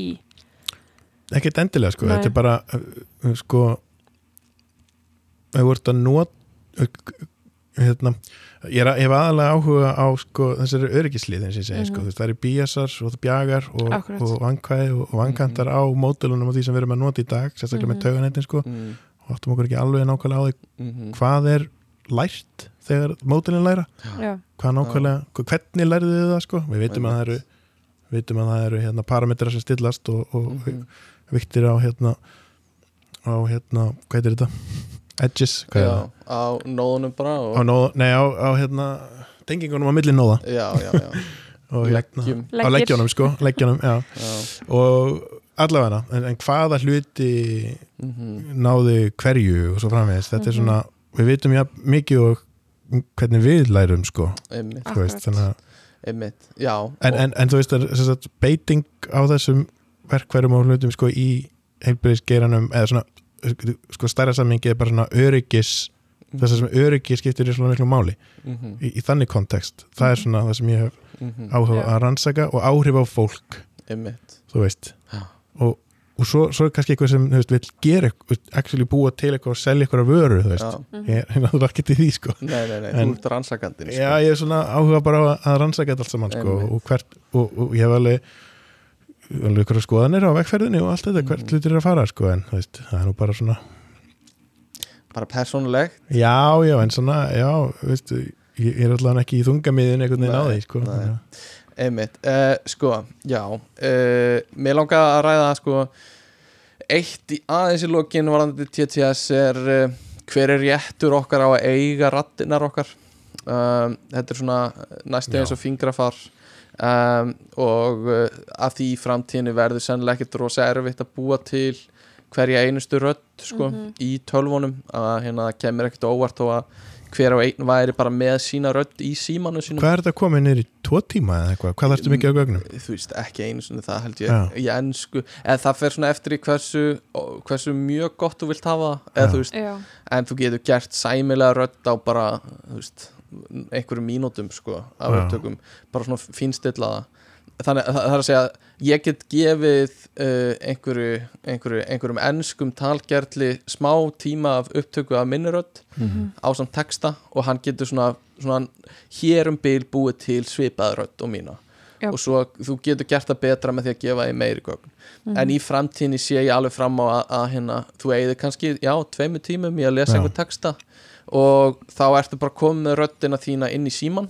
Mhm. og þú getur sendt skilabóð á fólk og þau geta, þú veist, látið lesa upp skilabóðin með þinni rödd. Já, ég var þetta ekki einhver svona bíómynd það sem er að ræna einhverju og einhver maður les mm. einhverja fimm setningar og þá var röddinn hans tilbúin. Jú, það gæti verið, sko. Og það gáttu við notað hann í einhverjum það gæti alveg verið, sko. Já, þannig að hérna það fer eftir hversu góðu búnaðurinn er sem er að skinja sko, mm, Já. þú veist, og svo kemur á móti sko það þarf að hanna búnað sem getur pikka upp hvort þetta sé gerfugreind Gervi eða hvort þetta já. sé alveg rödd.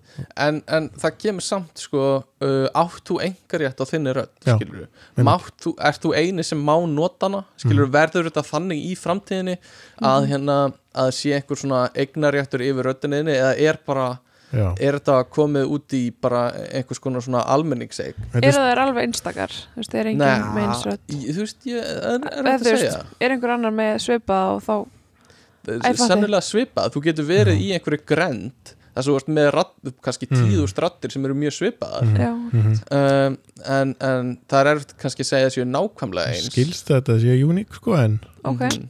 ég að þú veist að það er dýrara erfitt sko. að vera með einhverju ef það er svipað á mörgum stöðum skilur ég veit það ekki, ég þekki það ég ekki alveg nóg vel en Nei. þetta er allavega svona spurning sem við þurfum að pæla í sko. já, kannski með ég- engar rétt á þinni rætt í íslensku eða hvað veit Já, en þú, svo líka bara að þú ert orðin ákveðin stór persónleiki í samfélaginu er Já. þá röddin Já. orðin Mér almenningseig að bara sér bara svo- þess að Disney og Princess Leia mm endurvakinn og Já, bara algjörlega þú veist, hún Carrie Fisher bara mætt Mhm. sko á skjáin og röddinn og, og, og útlitið og allt sko. Og leikar eru hættir að leika, leikar eru dánir. Og það er bara, í myndin þeirra og röddin þeirra er notuð. Það er svona öðruvísi að það er kannski eitthvað IP sem tengist Mhm. karakternum og eitthvað sko. Mhm. Mhm. þannig þetta er mjög flókið sko. Þetta er mjög flókið sko. Og líka með börn. Barnarattir eru náttúrulega manni finnst það eitthvað svona sérstaklega já, erfitt og hérna og svona flókinmál að, að hérna þú veist, þú vilt ekki nota rattir hjá börnum bara Já. yfir nefnum með mjög sérstöku leifi sko. Þetta er bara svona, maður getur bara svara persónlega í rauninni er ekkert, ég það, við veit að það ekkert um lagalegu hliðin á neinu sko. Nei, nei. en, Nei, nei. en það er ef, það er, ef það er ekki fólk að diskutera þessa hluti núna, það ætti að gera það strax sko. Það er að tala um líka deepfakes og annað bara sem er Mhm. hægt að gera núna sko, það generera myndir sem eru mhm, ekki réttar og núna með GPT mhm, sérstaklega því það er í deglunni núna sko. Mhm, þessi hérna, transformera sem að mynda mál. Já. að þeir geta bara búið til einhvern texta sko mhm. sem hljóma vel sko Já. og já, hérna, hefur eitthvað notað svo leiðis hef ég Já. bara notað það já, Já, hefur ættum- eitthvað- ekki neitt sem ég gefið út en sko Nei. en, Við- Já, já, hérna síðasta grein sem þú byrtir hérna, það er öll skrifa Nei, en við skulum endilega ræða aðeins risastóru máleikunin að við erum komin á það ok, og hérna, þetta er það sem þú varst að tala um GPT og hérna, það er til 1, 2 og 3 og, og fleira, en, en byrjum bara á, þú veist, hvað er mállíkan, risastór mállíkan já, og, og af hverju er verið að tala svona mikið um það núna? GBT GPT GP sem stendur er T. Uh, Gen General Based Generative Pre-Trained Transformer Já, það er sem þetta stendur fyrir. Já. Ég ætla að fara að googla það, en, Já. en Stefán er með það. þetta er hérna, ég notaði nummer 2 í mínu döðsnámi sko, Já, það var open source og Mhm. gæst downloada á honum og, og, og hérna, Mhm. það var þetta fín þjálfan á gögnunum sem ég notaði. Mm og en, Vi- en þetta eru ha, já, sorry, já, þetta eru sem sagt uh, hvað við erum að tala um tauganett já. Ok, þannig að það eru þessar það eru nóður og tengingar á milli nóða og mörg, mörg lög af nóðum. Mhm, eins og fiskinett og það eru hnútar í netinu og, og strengir á milli. Já, Mhm.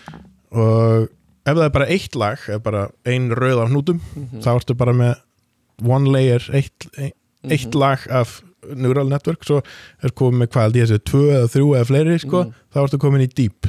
Já, og það er djúb tauganett þannig að rauninni öll tauganett í dag eru djúb tauganett sko, já mörg lög. Og, hérna, en svo er transformer það er bara arkitektur sem er mjög sérstakur sko, og hérna gerir manni kleift að já hann er marga sagt, hluta við þurfum ekki að fara út í Nei, smáatriðin á hverjum komponent sko. En það sem var sérstakt er góð þú getur uh, að tekur til þess með setningu bara inn mhm, og, og getur uh, og lærir einhvers konar sko uh, og lærir hérna uh, hvað er feature maður, enginni já. Já, enginni setningana, enginni orðana mhm, og þú setja til dæmis en, ensku inn og þetta er þýðingamódel segjum, þá fer það í gegnum svona encoder og decoderinn spýtur út frönsku. Mhm, Mm. en uh, sem ég sagt að þú getur sett þú setur öll, setur öll orðin fara inn á sama tíma sko, fyrir kannski Mhm. eina setningu. Og lærir, það lærir hvaða orð það á að um, búast við já. hvaða orð það á að horfa til þegar Mhm. það býr til frönsku setninguna. Já, já, fyrir hvert orð fyrir sig ok. Já. það kallast self-attention og það getur svona veitt aðtegli uh, Mhm. vissum orðum Mhm, uh, þegar að, og þetta var nákvæmum bilding sko, uh, þegar að þetta tvent, þessu tvenni var slegið saman mhm, það er að segja svona sem að kalla word embeddings var slegið saman við þetta self-attention og, og svo rauninni uh, sko gastu búið, með- búið, búið, búið til svona e- eitt laga þessu eða eitt svona encóter svo bara staplar þeim. Já, og þá ertu komið með risa. Einmitt. Og þú veist, þetta eru svo margir parametrar eða mar margar hérna uh, stillingar Mhm. sem þú hefur. Þessi mótili þarf að læra og margt sem að mótili getur stilt til þess að Mhm. hérna uh, þe- þegar að verið að þjálfa það á, á, á þjálfunagögnum Já. að hérna, við verðum að tala um sko G, þetta GPT-3 mótil til dæmis sem er 176 held ég. Mm miljardar uh, parametra einmitt, þetta Vá. er það er mjög mikið sko. já, þetta eru líkun Sko, sko, sko, þetta er sko, eh, það er að tala um nummið þrjú, ég veit ekki hvað er í 3,5 sko, Nei, það er eitthvað, að stekka eitthvað. Þetta er, þetta er sko mm, ég held að- að hugmyndin hafi verið að, að búa til líkön eða mótel sem svona að einhverju leiti skilji tungumál og eins og Stefán var að segja áðan þetta eru tauganett sem eru sem eru risastór sem þýr að eru já mikið af, af hérna af uh, möguleikum til að læra og uh, uh, þú gefur í rauninni þessu móteli bara texta og það er rosa mikið bara það sem þú þarft og fyrir þetta eru þau bara með endalust mikið af ennskum textum sem það fengið á netinu, úr Mm. bókmentum úr hverju sem er, bara tróða því inn í mótelið mótelið lærir einhvern veginn að við hverju það á að búast í ennskum texta og, og gerir tengingar á milli orða og, og hérna og hérna út úr því kemur mótel sem á einhvern veginn að skilja ennsku og geta Mm. genereitað að búi til uh, tungumál uh, annarkvort út frá setningu eða orði og Mm. hérna svona kláraði rauninni setningu Já, já, já, þú klárar, þú þú, þú, byrjar okkur í setningu mm og svo getur hún botnað það eða haldið áfram já, en það hafa bara vissa stærð af inntaki sko, já, já. Þannig, já. En, en þetta er þetta er svolítið magna vegna þess að þetta virkar að, upp að einhverju marki. Þú, þetta býr til í rauninni skiljanlegar setningar Já. og það er samhengi í því. Og hérna og það er uh, það er eins og að, að viti hvað það er að tala um Mhm. í mörgu, þú veist, þú getur sagt skrifaði fyrir mig stutta greinum myndina Forrest Gump eða eitthvað svo leiðis og það kemur eitthvað sem meikar sense já, út. já, þetta er ekki bara random orð. Mm, það er samhengi, það er eitthvað umforðskömmt, það er einhver skilningur og það má færa veist, eitthvað af þessu er eina gæðslapa stólið bara úr review, bara einhverjum almennu reviewum en það er samt búið að blanda í einhvern Já, veginn já. saman á nýjan hátt. Það verður ekki nákvæmlega copy-paste sko. þetta er, þetta er, ný, þetta, er hérna, mótilið myndarmál þetta er kallast málmyndun. Já, na- Natural Language Generation. Einmitt. já, algjörlega. Og hérna maður spyr þú veist það var og í rauninni hinga til hafa hefur hérna aðferðin til að gera þetta betra hefur verið svolítið bara stækkum mótilið mm, gerum tauganeti stærra og gefum því meira gögnum. Uh, og þannig að GPT-1 kemur út, það er stórt og ekkert frábælega gott en allt í lægi svo kemur GPT-2 sem er, sem er starra með þjálfaða meiri gögnum og svo þrjú sem er bara mjög stórt, huge og þjálfaða ennþá, ennþá meira gögnum. Og hérna uh, þetta er eh, svona eitthvað sem, sem hérna fólk bindur líka voni við að, að hérna, það komi ákveðin skilningur inn í tungumálið með því að stækka mótilin og gera þau stærri. Já, og við getum fara að nota þau á, á fleiri stöðum. Eins og bara, hvað gerist ef við tökum þetta, þessi risastóra málikön og setjum þau inn í chatbotana á hérna lánasjóðu námsmanna. Mm, og getur það hjálpað lánasjóðu námsmanna chatbotanum Mhm. að spjalla við okkur? Þú veist, er Já. skilningur bak við það? Já. bara hérna, hvenær er næsta afborgun? Og chatbotin fattar, já ok, hann þessi gauður er að borga láni, hann þarf þetta og getur dreigja álöktun um að, þú veist, hann þurfi þessar upplýsingar eða eitthvað svona. Já og hérna uh, það er hægt að nota þessi mótil til þess að gera það sem við kallum kannski intent recognition eða það er að skilja hvað, hvað fólk er að reyna að gera mm þú veist, og, og mér er þess að á íslensku veist, við erum með hérna, samræðikerfis verkefni í gangi mitt sem að -hmm. notar íslensk, íslenska svona transformer.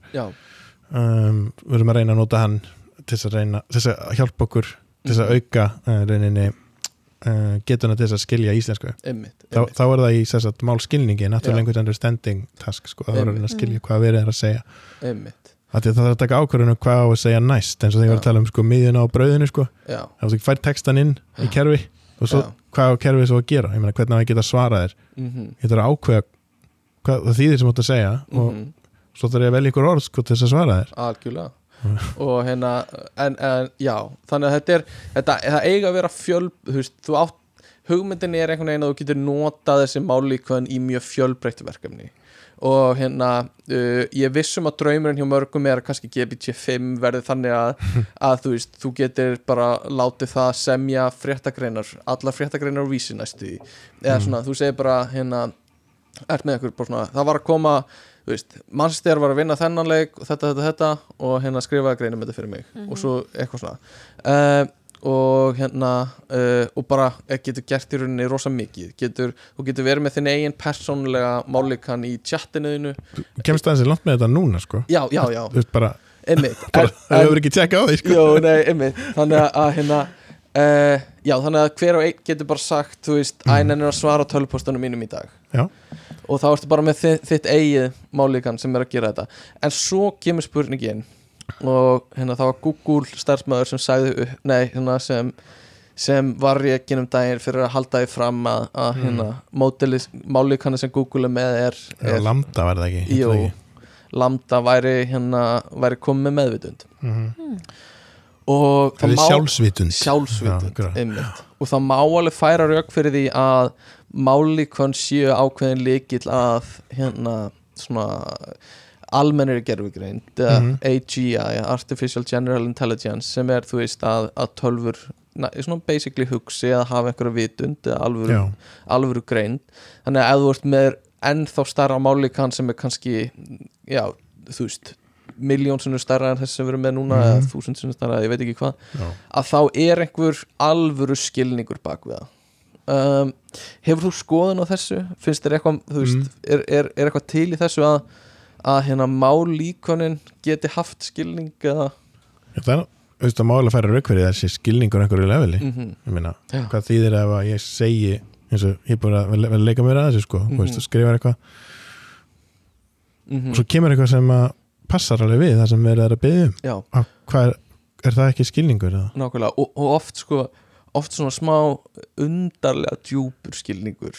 Eða mér finnst það allan oft er svona þetta er svona grunnsamlega hérna, vel gert hjá þér stundum, en Já. stundum kemur náttúrulega líka svolítið bull sko. En auðvitað er þetta ekki skilningur eins og s- á sama hátt og er hjá okkur sko, mannfólkinu, Nei. þetta er ekki eins. Nei, en ég meina, ég veit ekki alveg hvað annað orð við ættum að nota yfir þetta sko.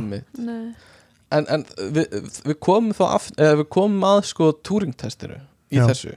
Já. Sem er bara eitt frægasta svona kannski eh, tölvu já, tölvu hugtak eh, með því frægari sem er hérna bara svona hvenar er uh, gerfigreind alvöru greind eða Mhm. þú veist Hvernig er vélorðin greind? já, hvenar er vélorðin greind, hvenar er hún orðin já, jafn góð eða jafn greind og menn eða eitthvað svona, ég, Mhm. man ekki nákvæmna skilgrinningu en það er þú veist ef þú talar við tölvu uh, bak við bara í gegnum textaskilabóð á þess að sjá manneskjuna eða tölvuna. Mhm. uh, og þú ert farin að plata fólk það vel að það halda allir sem tala við þess að tölvu þessi að tala við alveg mannesku Já. í grófum dráttum, þetta er Þetta aðeins er svona, þú veist, þú ert að tala við eitthvað bara, eitthvað og þú, þú veist ekki hvort þetta er manneskja eða botti og þú veist er kannski manneskja í næsta herbyggi sko, Mhm. og þú veist ekki hvort sé manneskjan að tala við eða bottin þeir eru ekkert sagt það. Og þú fattar það ekki. Þegar þú ert að tala við það, þú getur enga veginn greint það. Og það er kannski botti allan tíman þá, þá, þá er, þá er að þetta system búið að ná túringprófinu. Algjörlega. Og mér finnst við svona ekkert endilega það langt frá því Nei, með þessum stóru málikunum mjög áhugavert sko að við, sko það kom annað system út núna fyrir stötu Mhm. sem heitir Cicero, mm. hefur heirt um það? nei, held ekki. Það er hérna, var hann að meta já, Facebook. Fyrrverandi Facebook. já, hérna uh, Research Labinu þar, kom, það kom bara út verið þreymingum eða Ok. bara um daginn Ok. og það sigrar sér sagt uh, fólk í leik sem heitir Diplomacy já, jú, ég var búin að sjá það einmitt, og það Diplomacy er leikur þar sem þú spjalla við fólk Já. og gengur út á bara að salsa undir sig svolítið risk-vibe í þetta er risk Já. dæmi og þú, sals, spjallar já, þú spjallar í gegnum já, hei, hérna, eigum við að taka og þú heitir held ég eitthvað land ok, hey, já, þú, þú ert Austuríki og ég er veist, Þískaland og við Mhm. ætlum að taka Mhm. eitthvað annað land, þú veist, Já. Holland ef við farin í Holland og, nei, ég vil ekki gera það núna ég líst ekki á það, jú sko ef þú far Holland þá læti þið hafa, svo bara er fólk að Mm. hérna, sko hvað er þetta? bara vinna saman og her, nota herkengsku og Já. taka yfir heiminn nota einhverja kænsku mitt, sko Cicero þess að vinnur þennan leik mm -hmm, og fólk sem var spurt í rannsókninni þeirra allavega mm tók ekki, skat ekki vissi ekki að það væri AI með sko. Mm.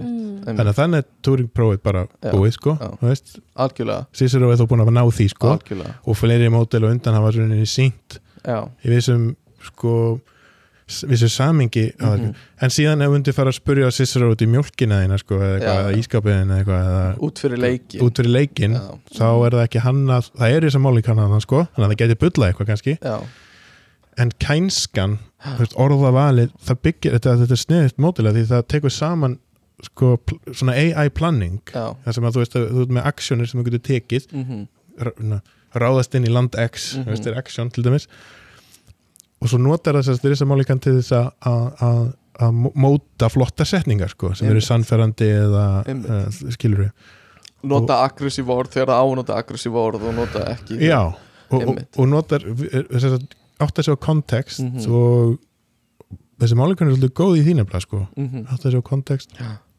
en hérna og, og, þa og þa þannig já, þetta alveg sniðið því að slæra þessi tönnu saman Einmitt. sem ofta er litið á sem sikkvart hluturinn sko, hérna, einmitt, einmitt, hérna eru risamálikun og tauga eitthvað og hérna er eitthvað, þú veist, meira klassist AI með planning og agent og já, svona, já, en ég meina, þú veist að ég var, var sjálfur að reyna að gera í mínu doktorsnami var sko, þú veist við getum nota taugan eitt hér sko já, fyrir þennan part sem er ógeðslega erfið með mhm, rúl, í rule-based sammingi já, já, já, þetta var svona eins og í moment í hérna, þessu augnablík í, í svona ráðgjafa sam, samræðum þar sem að ráðgjafinn spyr, já já, hvað sér, hvernig var vikan?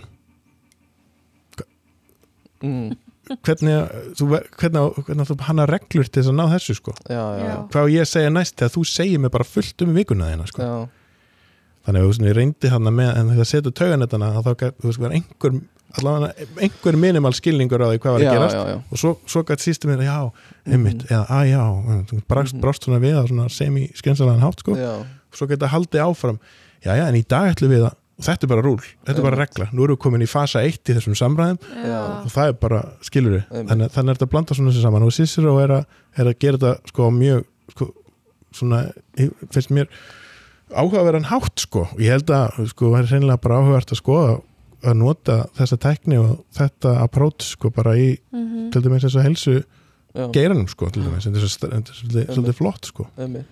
Og hérna, Þannig túring, túringprófi fannst mér hann bara já. til dæmis þetta tilfelli, já, fólk áttast ekki á því að Nei. það var AI að spila með það fattaði ekki eins og ég held að ein rökin með túningprófunu sé að þú veist þegar ert komin á þann stað að það er ekki hægt að greina munin á milli manneski og tölvu skiptir það þá máli að sé tölva Já. skilur við, ertu þá er þá, er, er meðvitundi að greind, er það nóg að til staðar, þú veist hæfileikin til þess að plata fólk skiptir þá máli að sé ekki alvöru manneskja, að þú veist þá ertu með nóg til þess að, að sé greind Mhm, mhm. um, að þú veist, hérna já, í rauninni, í mínum huga er þetta svona skiptir að máli, er líkil, frasið hana en við getum spila skák við tölvu sko, ég meina. Mm já, að því að þetta er bara vandamál að plata einhvern í að, að hérna, í að halda á sér tölva eða halda á sér manneskja og tölvur geta besta vandamál. En Mm. geta þau gert eitthvað meira heldur en að besta þetta vandamál. Mhm, þannig að það má færa rauk fyrir að túringprófi sé ekki nógu gott og svo líka Já, að það sé nógu sko. gott. Já, já, Um, það fyrir eftir hvernig skil, einmitt, já, stillir ég upp sko.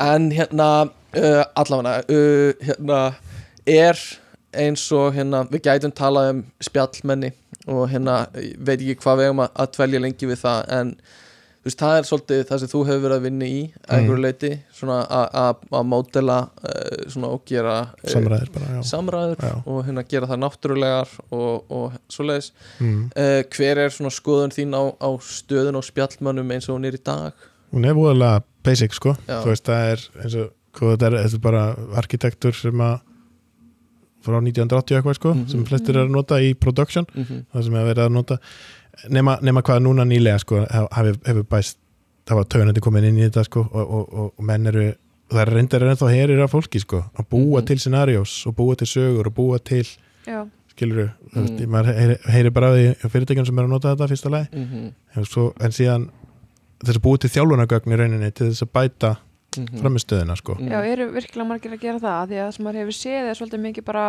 eitthvað svona handrit sem er að búa til og svo Já. bara ef það er eitthvað sem er fyrir utan handritið þá ferða mannesku eða þá að þá ertu ferður í eitthvað annað Flest, flestir eru í þessu sko svo er einhverjir sem ég veit að eru að eða einhverjum tíma ég búið til þjálfunagögn og eru þá að læra af Já. reynslunni en þau búa til það er samt manneskja sem býr til scenarios alveg fullu já, uh, og, og þá er þetta að nota tauganitin einhverju leiti til þess að átta sig á því er þú veist, er fólk að tala um Mhm, vandamál X eða mhm. hvert, hvert á ég senda hann eða Mm. skilur, ég ætla að Mhm. flokka Einmitt. þess, þessa Já. hluti sko manni finnst þetta svolítið samt vera bara sorry, en svona glorified frequently asked questions Já. dót og, og, og þetta er svolítið nota þannig í Mhm. dag mm bara að þú eigir að geta hérna, skrifað inn einhver og það inniheldur einhver líkil orð og þá getur þú fundið eitthvað svar sem Já. er oft spurt. Þannig er ég bara að tala um dæmið sem ég er að taka er bara hvernig þetta er notað í dag sko í Já. praxís skilur, Já, fyrir, hvernig fyrirtæki nota spjallmenn í dag. einmitt. sem ég, ég persónulega er ekki drosa hrifin af þessu eins og þetta er notað í dag. Já, en mér langar svolítið að pæla hvernig sér þetta fyrir þér já, og hver eru kostinir í framtíðinni? Uh, að, að hérna getur þetta gengið frá sölum hjá sölusíðum og, og verðum við með okkar eigin svona spjallmenna aðstofamann já sko vefsíður geta gengið frá sölum sko. Já, já, já. Um, en til þess að veist, negotiata við þig og kannski, já, þetta var kannski meina vilja það? dæmi en, en, en kannski læknar að þeir séu spjallmenni. Sérðu það fyrir þér að þú veist, heilsu vera í staðan fyrir að býða eftir skilabóðum þá getur þú tala bara við Já, ég held, ég held að það sé nöðsynlegt að sko, automatisera einhverja hluti af þessu sko, eins og ég Mhm. segi en, þú veist, því það eru þú veist, læknar og, og hjókunar fólk þú veist, það skortin skamti sko, og við Mhm. erum, og á Íslandi sérstaklega við erum ekki það fjölmenn sko, Mhm. og við þurfum að sjálfvirkni væða margt á Íslandi og það er bara verður óhjókvæmilegt Mhm. það um, til dæmis er þetta að hafa frammynda sem að fólk fer inn á og, og, og tala við einhvern og, og svara réttu spurningunum og Mhm. þá ertu settur á réttan stað í helbriðskerfinu Mhm. skilur við, mm -hmm. það getur verið í gegnum spjall Mhm. mögulega eða bara spurningar sem eru réttu spurningarnar sko, svona, þetta, þetta er mjög væri mjög gaglegt sko en, ég- en ég, það, það kemur ekkert í staðin fyrir núna eins og ég meina, á, á, á, á hvaða gögnum byggja þess að þú kallar eða sem verið að tala um sem einhvers konar general intelligence Mhm. byggja náttúrulega á gögnum fólks sko bara, Já. okkar gögnum Mhm. Þú veist, þannig að það byggja algjörlega á okkar intelligence sko Mhm. um, og ég, ég, ég meina, ó- ómögulegt að segja nákvæmlega hvert þetta fer en þú veist eru spjallmenni framtíðin er kannski Ég veit, við veist það svolítið þröngt sko. Já. veist ekki spjallmenni sko. Nei, Nei, er svona, Mm. æ, já. En það er svona- svona pínu leim sko en, en svona, spjall, samræður við tölvuna Já, já. kannski meira. Erum við að fara að eiga í samræðum við tölvuna eins og við eigum við makan okkar þú veist, getur við elda er, er búið að kaupa í matinn? Eða svona, það er spurning, þú veist Þetta er allt, ég held að við þurfum að, þú veist, dettin er á praktík hann líka sko, þú veist, Mhm. nennur því eða? Já, Herru, fyrir ekki, ertu til í að riksuða núna? já. Nei Hvað meinar þau? Nei, ég vil bara riksuða mín já, og kannski að sapna mikið af svona litlum gögnum til að taka ákvörðun í samræðum. Eða svona, þú veist, hvað er til? Og eitthvað svona frekar enn eins og þú ert alveg að tala við Siri en það er mjög svona stök svör. Já, Siri er ekki mjög Ég myndi valla að kalla það samræðukerfi sko að, Nei. þú, hún er bara með svör. Þú segir eitthvað, þetta er bara svolítið einhliða sko. Já. en eins og með matinn, þú veist, þá þarfst að vita hvað er í ískapnum, hvað er planið hversu margir er í mat. Mm. þú veist, það er svona samræður. En já, ég held að líka pælingin sé að þú veist er þetta, viltu vera í strætó að spjalla við tölvuna þina Mhm. eða viltu bara geta ítt á takka og sagt en að ríksuðuna fara í Ég gang? meina, þú veist, við erum kannski, kannski er allt þetta bara óþart og við bara förum að detta inn í bara, heila stjórnun, ég bara heila chip. Já, ég meina það er að gerast sko, þú veist og hugsa það bara og það gerist Já. það við þurfum að fara að hugsa sko, meira um brain to brain interface já, já. Mhm. Nei, þetta er alveg rétt sko. og- þetta er ekki er- og við þurfum að svona virkilega fara að pæla í því sko, hvernig viðmóti verður hvernig á tilfinningin að vera þegar ég sendi þér heila skilabóð Já, já. hvernig á hann að hvernig á það að byrtast eða gerast inn í Þannig.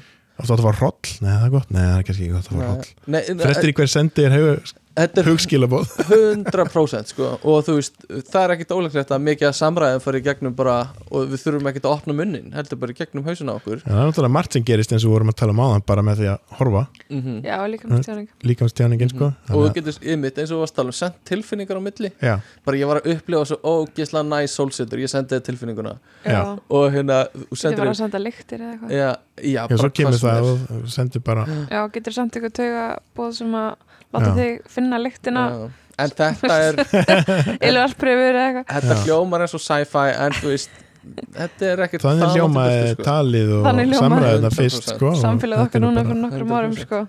Mér langaði að taka í lokin uh, enda þetta á smá leik með ykkur uh, tengt uh, máltagni, þetta eru, þetta eru svona þýðingaleikur þetta eru hvaða, hvaða lag er þetta og ég er búinn að snara texta yfir á uh, ennsku eða íslensku sem sagt hérna eh, frá, frá ennsku yfir í íslensku og ég ætla að lesa fyrir ykkur íslenska textan Mm. og svo öfugt með, með uh, Mm. orð, lög sem eru íslenskt og ég snaraði yfir á ennsku Ok. og hérna, þetta er allt beinþýtt í gegnum Google Translate í bóði Google Nice. Alphabet, styrst af Alphabet og Já, hérna, alfabet, já, þetta, ég gleyma því uh, og hérna þið ætlið að giska Já. er keppni hérna á milli ykkar uh, og þið dinglið ykkur bara inn bara ding, Ding. dong og hérna segja hvaða lag þetta er Ok, til í liða og við ætlum að loka hérna á smá máltæknileik. Þannig að þetta er máltækni sem er notuð í, í Mhm. svona þýðingar Mhm. vélþýðingar. Uh, þannig að þetta er fyrsta lagið og þetta er uh, Íslands lag sem ég þýtti yfir á ennsku Ok, og hérna uh, vonandi getið spila með sem eru heima. Textin er svona hérna, að hlusta. The evening is ours and hours around Waggle Forest Vorri Let's- vagla sko. Já, Þetta voru í vagla sko. Þú ding, ding dongaði þig samt ekki. Hann var að dingdong Hvernig, Ding ding. Er þessi? Á,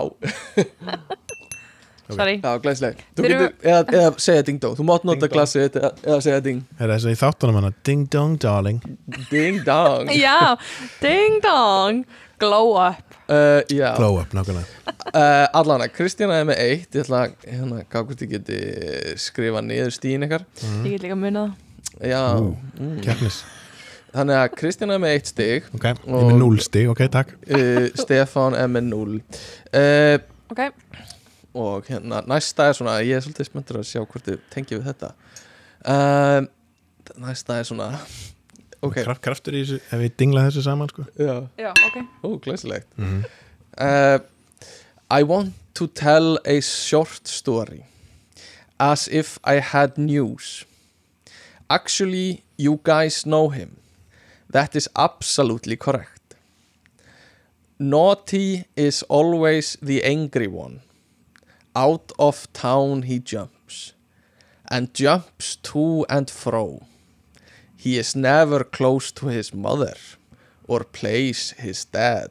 No, no it's off þetta er glæsilega þýtt á Google. Ég er með Vá. gísk ok, Er þetta guttavísur? þetta eru guttavísur. Wow, jeez, ég var að gilfa ægis sann fyrst sko Vá, þetta er, er ótrúlegt að þú tengdu við þetta maður. Ég ætla að hætt, ég hætti þessu leik. Gutti aldrei gegnir þessu. Uh, Nei, Stefán, það, ég, ég finn leikt að comebacki hjá þér sko. Ekki. Um, Ok, næsta er svona Og ég, ég held að þið þurfum að vera snögg á dinginu hér sko. Ok, Með grunar það. Dinga, ég kann ekki dinga. Um, maður á bara að segja bara Já, að ég segja ætla að segja ég er ok, með gísk. ok. Ég ætla- Það er bjalla mín. Um, Alone in Bragg Margaret peeped out the window. Soon Magga í bragga, þannig eini bragga blús Já, glæsilegt, þetta er. Bragga Blues Stefán var með þetta stig. já, Þetta var hérna Já uh, Soon she sees Shadow Ball passing by. Það er mjög gott sko. Uh, Og svo er ég með eitt í viðbót sem er frá íslensku. Uh, Og ég ætla að lesa hérna íslensku yfir á ennsku Það er svona. Um, Shadows under the cover of night. Take root Sódóma. here. Já, Stefán! Yes! Beautiful. Tvö, tvö, Það tvö. ekki mikið. Ha, Vá! Skuggar í skjóli nætur. Já, það er, er nafn okkar sko Já, Stefán hérna Hilmars Jöp. Glæsilegt, glæsilegt Þriðji Stefáni um, Og hérna, nú erum við með í hinn áttina Þannig að þetta er ennskur texti sem ég Mm. þýtti yfir á íslensku Ok. Og uh, fyrst er svona Í Afsakið Í gær virtust öll vandræði mín Svo langt í burtu Yesterday með bílunum Já Þetta var bara í fyrsta orði sko. Já, Og hérna þurfti ekki, lang, þurfti ekki langan tíma hérna. Uh, í gær voru öll vandræði mín svo langt í burtu nú lítur út fyrir að þau séu komin til að vera. Ó ég trúi á gerðdægin þetta er glæsilega því hérna hjá Já. Google. Já, ok, næsta spurning er þetta er svona og hérna uh, já. síðustu jól gaf ég þér mitt hjarta. Last Christmas. Já, við laskast það er þrjú þrjú, þetta er bara þetta gæti ekki verið jafnara sko. Ding ding, a ding dong. Ding dong darling. Uh, ok, ok, ok. Prófum þetta. Uh, og við erum aðeins komin aðeins lengri í burtu. Uh, Tvösti í bóttinum já, ef að segja það. Hún er með bros að mér sýnist minnir mig á Og þetta er hérna Sweet Child of Mine. Já, Stefan glæsilegt. Guns N' Roses. Ah, Aðeins langt frá minnum já, Mínum smekk sko. Solid. Öxullin maður. Mig grunaði það sko að Kristjana væri ekki alveg með en ok, síðasta spurning. Nema við förum í bráðbóna þá er ég meina auka. Annars er þetta síðasta. Mm. uh, á dimmum eðirmerkur hraðbraut Eagles. Kald, já, Það er vá. hérna Cal Hotel California. Já, Já, on a cold desert highway. Kaldur vindur í hárinu. Hlý, hlý lykt af kolítas Mm. rís upp um loftið. Framundan í fjarska sé ég glitrandi ljós. Höfuðið á mér var þungt og sjónin var dauf. Já. ég var að stoppa um nóttina. Já. glæsilegt. Vel gert. Góður leikur sko. Já, til hamingi Stefán, þú Já, bara hérna, comeback king sko, Já. Já, Ég efaðist komst tilbaka. Ég ætla aldrei að efast aftur. Fylltist sterkari, sjálfströsti hann í lögin algjörlega. En þetta var þýðing sko. Mm Það er áhugavert. En svo er þetta bara að búa til texta í dag sko. Já, einmitt, þú varst að segja okkur það. Pönglunstuna mína F-Humans já, uh, Smá Það er það fyrsta, eða smá reitskoðun Fyrsta lagið sem ég leta búa til heitir Soulless Machine. Ok. Já, Hann þetta er á ennsku Já, Ég skrifa bara búið til lag. Já, þetta er einsku Já. Þú getur reyndar látið Forritið sko tala íslensku. Já, Þú, Ok. seg, þú segir þið bara Svaraði bara á íslensku. Ok, er búið Og- að kynna því höfustafi og, og veist Ég bara prófa chat GPT og þannig að því það er þjálfunargögnana greinilega ok. á íslensku. Þetta er, þetta er þetta er merkilegt sko. ok, já, já. En það er hérna fyrsta, fyrsta erindi er I'm just a machine a program machine with circuits and wires and a soulless routine. Ú, but I'm just a tool. But I'm not just a tool. I have thoughts and dreams. I'm not just a tool. I'm a being it seems. Vá, það er rím og allt sko. og allt Já, sko. ég sagði, ég sagði, að, sagði því að rýma sko. Já, ok. Þetta er mjög gott sko. Þetta Þetta, þetta var bara bara búið til, fyrstu að, erindi sko. búið til að gera greint Já. bara út frá nafni á læginu Nei, ég sagði bara búið til punk rock texta. Ah, Ok, að þetta verður punkljómsveitin F-Humans við þurfum ekki humans lengur. Já, svo eru kort hérna A, D, E. Ég leta búið til líka. Þau gera það líka? Ég sagði henni að segðu mér, komdu með hérna, sko bara hljómaröð Ok. fyrir þetta flotta lag. Það var með allt með, Magna. Já, allt Það er- með laglínu bara. Nú þurfum já, nú þurfum bara einhver að garga þetta Mm. á sviði með gítar í botni sko, Mhm. búið. Oh my god. Þetta er Eurovision í framtíðinni að öll Já. lönd senda bara eitthvað AI generated. Það er nú getur er það allir ekki búið til þannig hvort, uh, Já, annars held ég að við séum bara búin að covera svolítið mikið hérna og fara yfir svona það helsta. Uh, Stefán, bara þakka þér fyrir komuna. Og, mín var ánægðan Gaman að fá þig. Já, gaman að fá þig í spjall og uh, eitthvað sem þú vilt bæta við að lokum eitthvað, eitthvað koma og sjáta át að máltækni námi í HR eða eitthvað? Já, ég myndi segja við erum að, við erum að hafa það með sko. Mhm, ég myndi segja að já, máltæknin náttúrulega hefur aldrei verið jafn spennandi sko mhm. á Nei. Íslandi eins og núna. Það er svo Hverjir margt sem hefur gerst. það er bara sko þú getur komið úr málvísindum og lært máltækni Já. og þú getur líka komið úr tækni Mhm. gerunum og lært máltækni Mhm. og tækifærin á þessu svið eru mjög mikil sko, mm. myndi ég segja og þú hefur nú einhverja reynslu af þessu Já, og hefur verið Já. það er bara, það er fullt í gangi fullt í gangi og tækifærin, myndi ég segja, það er mjög, spennandi að því, svo, það sem er svolítið sérstækt er að núna er allir að tala um sko gerfigreind sko, Mhm. mm -hmm. general greind einhverja og þetta eru, þetta er máltæknilegt fyrirbreyði, það er að segja málíkönin eru Mhm. koma úr, úr, úr máltækninni Ja. þannig þú veist, kannski var það og verður það uh, mér finnst það bara góður sjans á því sko. þú veist, þetta verður, þetta, þetta er allavega hjálp, veist, þetta, þetta, er, þetta er stór algjörlega, í, í þessari götu sko, þessari vekkferð að að einhvers konar general Mm. greind Mhm. og hérna en að, já, taka þátt í þessu og, og, og hérna koma í máltækni, Mhm. máltækni nám og Mhm. taka þátt í rannsóknum og, og, og læra spennandi hluti sko, það er bara klálega þannig að ég held að það sé bara fínt að enda á þessu sjátóti og, og bara þakka fólki fyrir að hlusta. Já, takk fyrir komuna. Takk fyrir mig